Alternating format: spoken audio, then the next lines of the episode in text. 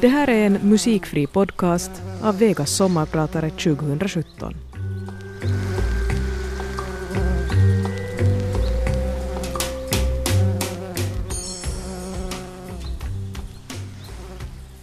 Japan var bland det häftigaste. Inte bara för spelningen men för att landet är så häftigt. Det var som att komma till rymden. Vi hade tre, fyra dagar i Tokyo och bara en spelning. Och vi hade en regel. Vi fick absolut inte lämna hotellet. Men vi ville ut med våld. Det var inte någon skillnad hur stor armé av föräldrar vi hade med, så vi lyckades ändå smita. Vi var nog som ett gäng yra höns. Och tänk nu, fem stycken tonåringar som är ute på rockturné. Vi smet nog alltid ut från hotell när vi var på Keikka med Storm och Drang. Jag heter André Lindman och jag är rockmusiker och idag så är jag sommarpratare i Radio Vega. Jag tror jag var 13 år när jag sjöng det där. Det var vår första singel med vårt band Storm och Drang. Rising Sun hette låten. Den kom ut eh, 2007 men eh, vi sjöng in det ett par år tidigare. Så folk tror, eh, tror ofta att vi har manipulerat rösten men eftersom jag var så ung så hade jag faktiskt sådär ljus röst. På den tiden så härmade jag ju bara mina idoler. Man hade för sig att det skulle låta sådär. Ja, jag har hoppeligen utvecklat mina talanger sedan dess. Men det var ju bra sätt att lära sig. Jag som sommarpratar idag heter André Lindman. Jag fyller 25 år i år och ålderskrisen är ett faktum. Och nu ska jag berätta om eh, väderrapporten. Nå nej, men jag har blivit ombedd att berätta om The Rise and Fall med bandet Storm och Drang. Vi var alltså tonårsidoler och jag var lead singer. Vi gick i övningsskolans högstadium i Vasa när vi slog igenom. Man kan nästan säga att det hände över en natt. Men vi hade ju nog hållit på många år före utan att det kommit någon vart. Men det var just den här låten som var början till allting. Mitt i allt så spelades låten på radion hela tiden och en Europaturné bokades in och ganska snabbt så såldes 30 000 skivor. Skivan kom ut till skolavslutningen 2007 och till hösten hade vi redan keikkor i Tyskland, Polen, Schweiz, Italien och vi var bara 15 år och vi skulle börja på nionde klass. Så vi var ju tvungna att ha en stab föräldrar som skulle vara med och se till att vi uppförde oss. Nu i efterhand så brukar de säga att ja, vi överlevde ju så det får vi ta som ett gott tecken. Och när vi kom hem från Europaturnén så hade skivan sålt både guld och platina. Vi förstod nog inte riktigt att det var så stort, eller vad som hände. Vi var bara med och tyckte att det var kul. Fem högstadiekillar som fick leva sina vildaste fantasier om rockdrömmar. Eftersom vi har läroplikt i Finland och inte skolplikt så gick det riktigt bra att ordna turnén och ta ledigt från skolan. De var väldigt tillmötesgående. En av föräldrarna skulle se till att läxorna blev gjorda. Turnén räckte ungefär en månad och vi hade en gigantisk mängd med läxor att göra. I praktiken så gjorde vi väl dem på flyget hem från Italien. Eller gjorde och gjorde men vi gjorde så mycket vi hann på flyget. Sen efter turnén så hade vi noll dagar ledigt. Vi kom hem på kvällen och följande morgon skulle vi direkt till skolan efter en månads turnerande. Men eh, vi var ju unga så vi orkade bra. Nu tio år senare så behöver jag nog en veckas ledigt efter en månads Europaturné. Nästan så att jag har blivit too old for this shit. Men uh, på den tiden var det inga problem med ingenting. Det här var största hitten med Storm och Drang. Indian heter låten. Varför den heter så så kommer jag inte riktigt ihåg för den handlar inte alls om några indianer. Men jag tror det var så att vi skulle uppträda i TV i Stockholm och låten hade inget namn. Men det måste den ju ha när man ska spela den i TV. Så det var vår manager som drog till med någonting mitt i allt. Och därifrån fick den sitt namn. Det var en rätt deprimerande låt. Och jag skrev ganska mycket deprimerande låtar på den tiden. Det var liksom inte coolt att skriva positiva låtar när man var ung. Ja, inte inom musikstilen hårdrock heller för den delen. Låten handlar i alla fall om att man ångrar någonting väldigt mycket. Handlar helt allmänt om en djup ångestkänsla ett ögonblick som har förstört ens liv. Ja, inte för att vi hade några sådana problem när vi var 15. Men jag hade väl förstått om man skulle skriva några livsvisdomar i låtarna. Men själva så var vi vilda och galna och fulla med livslust och bus. I Ryssland så var vi aldrig och spela men det närmaste jag kommit var efter en keikka i Kite när vi bestämde oss för att gå över gränsen mitt i skogen. Det fanns ingen gränspost just där men gränszonen var ungefär en 50 meter nerhuggen skog och där gick vi igenom och in i Ryssland och så vände vi tillbaka och det var där som vi mötte på gränspatrull med gevär. Och tack gud att det var finska och inte ryska gränspatrullen. Men ja, vi fick ju nog förklara oss i alla fall på våran knaggliga finska som låter ungefär som någon underlig estniska. Olemme vain katsomassa täällä, ollaan Vaasasta. Typ med sån brytning. Och så kom farsan och försökte rädda situationen men han talar ju inte heller så mycket bättre finska än vi så de funderade nog länge att vad är det här för schack. Men till sist så släppte de oss och vi sa att vi ska inte göra om det där. Men vi hittade ju nog på bus så det räckte hela tiden. Då man är sådär ung så vill man ju bara ha kul. Efter spelningarna så var man ju uttråkad och hade mycket energi så siktet var inställt på hyss. Största målet var ju att smita från hotellet, vilket ju var förbjudet förstås. En gång då vi skulle på keikka till Helsingfors efter skolan så kom vi på rasten på att vi skulle gå och köpa varsin kostym för att vi skulle se äldre ut, så vi slipper in på krogen. Så efter keikkan när föräldrarna trodde att vi hade gått och lagt oss så klädde vi på kostymen och smet ut via någon nödutgång. Ja, det var ingen larm där så det var bara att gå ut på stan och försöka in på en massa krogar. Succéprocenten var inte så hög, men eh, till slut så slapp vi in på en krog. En liten stund. Men fast det bara var en liten stund så kändes det som att framgången var uppnådd, så vi kunde gå tillbaks till hotellet. Så där satt vi då på rummet och slappade i våra kostymer när någon förälder kom och kollade att vi hade gått och lagt oss. Så hon eh, förundrade nog sig över varför vi sitter kostymklädda på hotellrummet, såklart. Men eh, vi hittade på att vi har lekt maffiabossar. Vilket hon kanske inte köpte sådär rakt av. Men eftersom inte motsatsen gick att bevisa så blev det inget mer med det. Den här gången så var det kostymtricket och någon annan gång så var det någon annan strategi. Utomlands så var det alltid lättare än i Finland. Tyskland var inga problem alls. Men i Japan så vågade inte vi gå så långt, för man kunde ju inte läsa skyltarna. Telefonerna funkar inte heller. Det var på den tiden när det var GSM-nätverk och det funkar inte alls i Japan. Så när man har tappat bort sig så då var det game over. Största buset var nog i Torneo, där vi råka slå sönder ett hotellrum som riktiga rockstjärnor. Eller ja, riktiga idioter egentligen. Men eh, så tänkte inte vi då, om vi nu alls tänkt. Den gången så kunde nog ingen snacka oss ur situationen så det var nog bara att betala räkningen på cirka 10 000. Så det var någon förälder som måste gå ner till respan och förklara. Om hela hotellrummet är sönderslaget så går det väl inte att förklara så mycket. Jo, jag föll på dörren i misstag så den gick sönder och minibaren råkade förflytta sig till duschen. Ja, vad ska man säga? Men vi var alltid så att vi tyckte om att härja. Det började väl så att någon tappade en ölflaska på golvet och så gick den sönder. Så skrattade vi som här. Och så kastade någon annan en flaska i golvet och så skrattade vi. Ja, ser du. Kul att söndra saker. Ja, allt som jag förklarar nu så ska nog aldrig hända något mer. Men uh, i den åldern så var det så att allt som man inte fick göra så var roligt. Det var någon som frågade varför vi var så vilda. Nå, det räcker ju med två stycken 15-åringar så går det vilt till. Så sätt nu ihop fem killar som leker rockstjärnor. Farsan brukar säga att per kille så sjunker IQ-nivån med 50 procent. Så med fem killar så är man ju på minus IQ. Jag var nyligen i Keikka på Torneo med ett annat band och plötsligt så är det någonting bekant över hotellet. Så tänker jag att nej shit, det är ju samma hotell.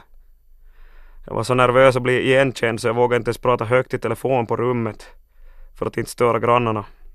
Som sagt, jag ska inte göra samma sak igen. Jag har nog mognat på tio år.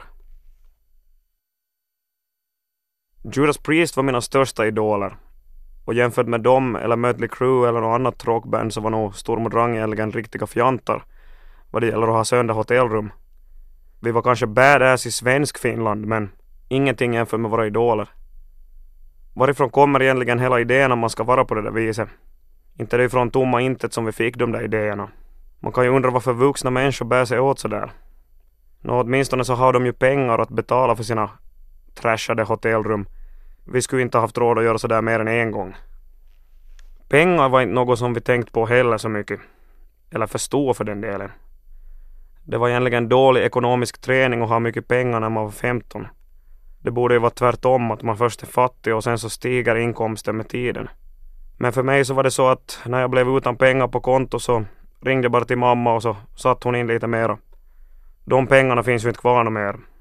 Men äh, jag köpte en lägenhet som jag bor i nu, så det blev ju någonting vettigt i alla fall. Det var just min mamma som hade hand om pengarna så hon ska nog ha cred för det. Men annars så, det var det och resten samlas på erfarenhetsbanken. De där häftigaste spelningarna så känns nog som en dröm ännu idag. Om vi skulle ha gått omkring och förstått att vi just spelar för 40 000 pers i Tyskland eller ja, vi sålde just platina. då skulle det säkert ha stigit åt huvudet. Inte ens vårt eget skivbolag trodde på att det skulle gå så där bra. Det är nog som en overklig känsla runt allting, även nu då jag pratar om det. Häftigaste keikan var just på en festival i Tyskland. Och där var det 40 000 personer i publiken, fast att det var mitt på dagen. Det var väldigt overkligt, men uh, vi tänkte inte som på det. Vi gick bara upp på scen och så gjorde vi jobbet. Och några dagar innan så hade vi spelat på en klubb i Finland för 40 pers. Så det var ganska tvära kast. 2013 så hade vi sista spelningen. Det var inte så att vi hade tänkt att det skulle vara sista spelningen utan det bara blev så. Vi var ganska trötta efter turnéerna så det var nog naturligt att ta en paus. Som det var tänkt. Men någonstans där så gick luften ur. Vi var 21 år gamla och vi hade gjort tre skivor. Det var en turbulent tid. Vi bytte producent kanske fem gånger. Vi var nog igång och övade och gjorde låtar men vi, vi var inte ute på spelningar. Det hade nog hänt förr att vi hade längre pauser. Mellan andra och tredje skivan så hade vi nästan inga spelningar alls på två, tre år. Så ja, jag tänkte inte så mycket på det, men eh, jag var nog ganska vilsen. Då man var van med att spela hela tiden och så mitt i allt så spelar man ingenting. Jag gick och dagdrev i Vasa i princip. Men uh, man vande sig med det också, att göra en spelning i året. Men jag levde hela tiden i den tanken att snart får vi på Keikka och spela något igen. Jag var inte medveten om det först, men eh, sen blev jag diagnostiserad med depression. Det kunde vara så att jag gick omkring och var konstant ledsen hela tiden. Och ibland så kunde jag få panikattacker då jag fysiskt kände att jag inte kunde andas. Jag kunde sitta på ett tåg och känna att jag måste av tåget.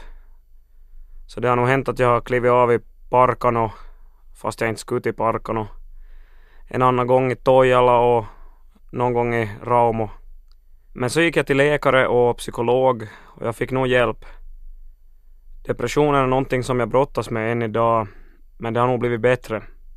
Jag tror att det har något att göra med att jag är konstnärsmänniska och jag tänker och grubblar för mycket. Men något positivt har i alla fall hänt, för i något skede så gick det upp för mig att ingen gör ju någonting åt en om man inte gör det själv.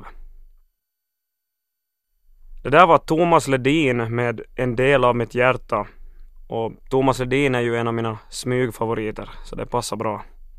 Så då kommer vi till nutid. Nu är jag 25 år och jag har gått omkring i Vasa nu i flera år och funderat på varför det inte händer något. Och så kom jag till den insikten att kanske Storm och Drang var den där perioden och nu är den kanske förbi. Nu har jag ett nytt band, One Desire. Bandet existerade redan i en tidigare form men eh, de behövde en sångare och han som var producent för Storm och Drang, Jimmy Westerlund, så han var också producent för det där nya bandet. Och det var just han som kopplade ihop oss. Och på så sätt så började det där på hösten 2015. Och nu i år så har vi släppt vår första skiva. Och här kommer en låt från den. Det här är en kärlekslåt som är inlindad i heavy fodral. Låten heter Hurt.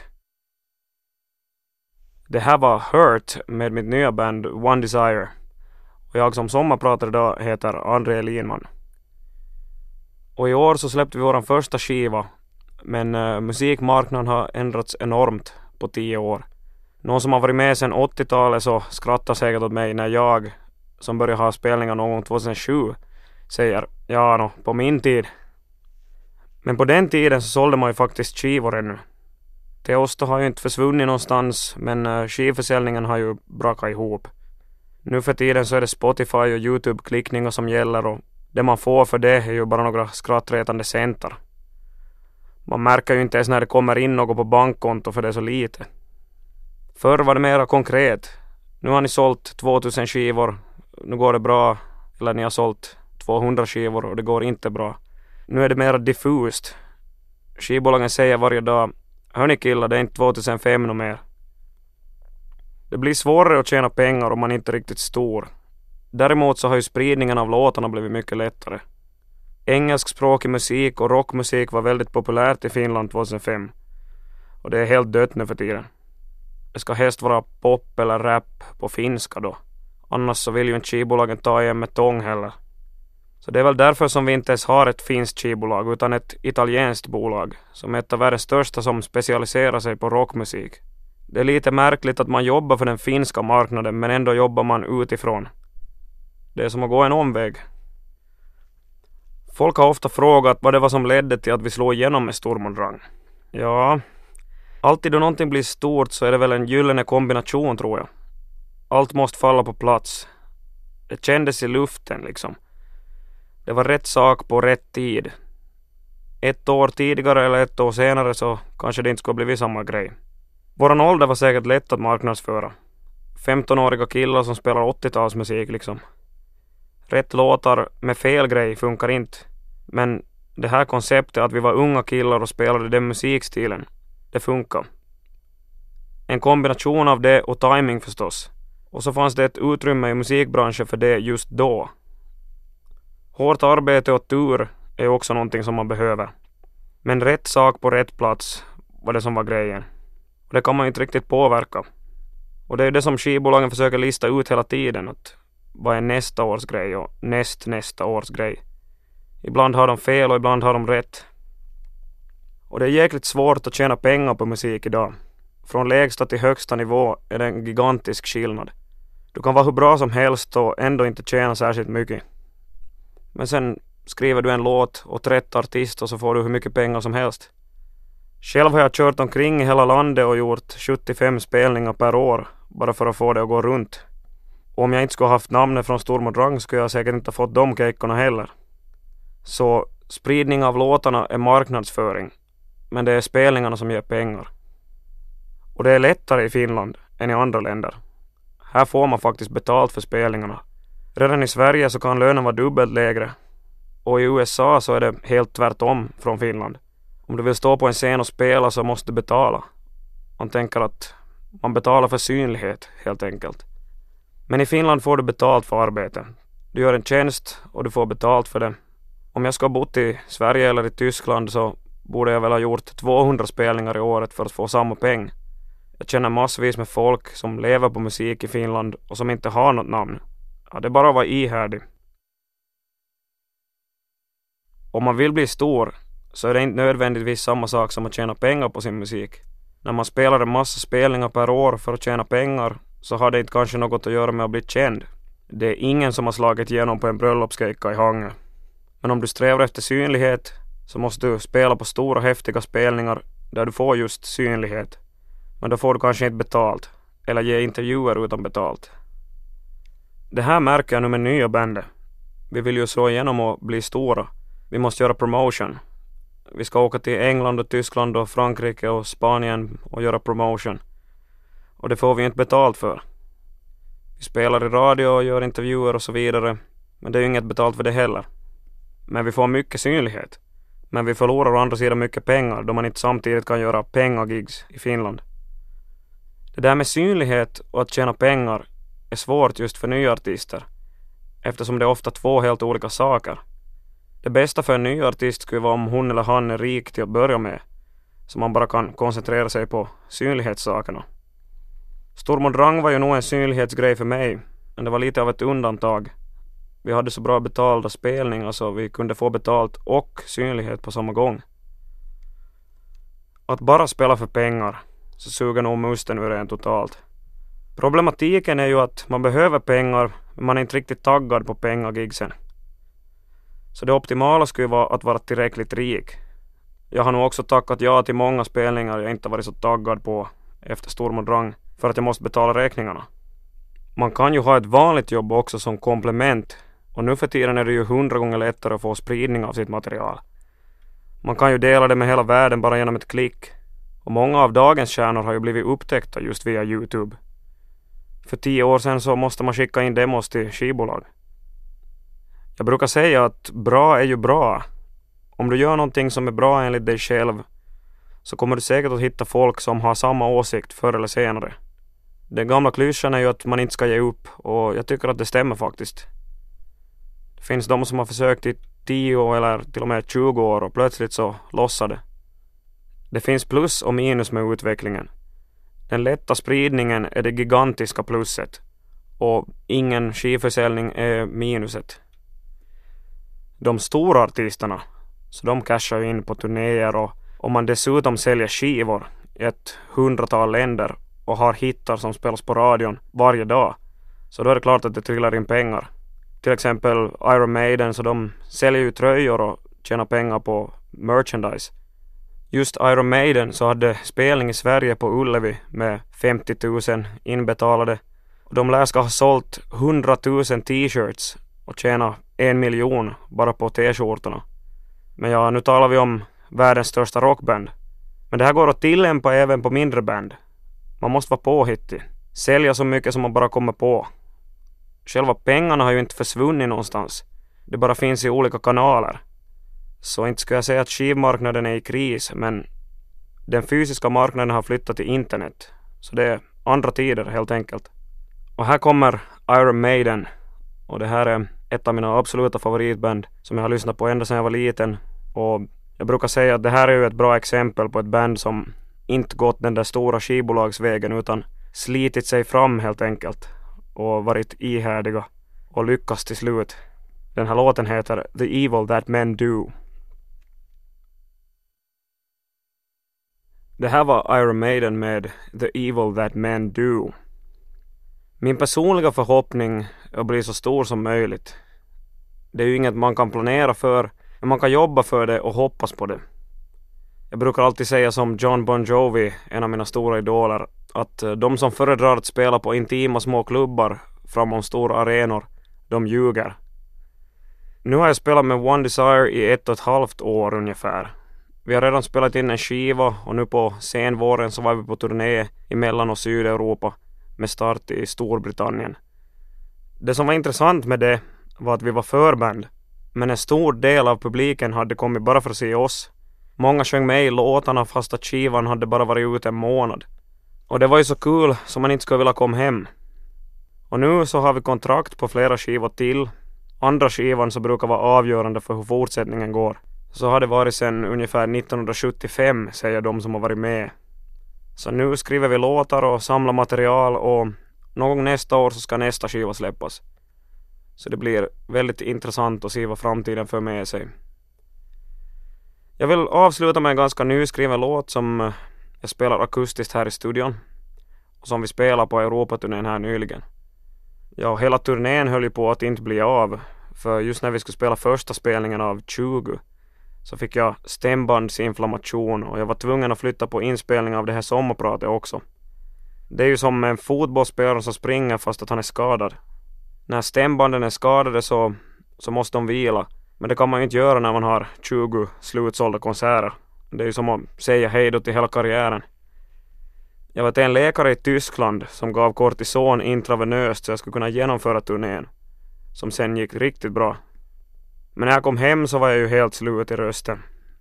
Men nu efter två veckors talförbud och en antibiotikakur så kan jag prata igen och sångrösten är tillbaka.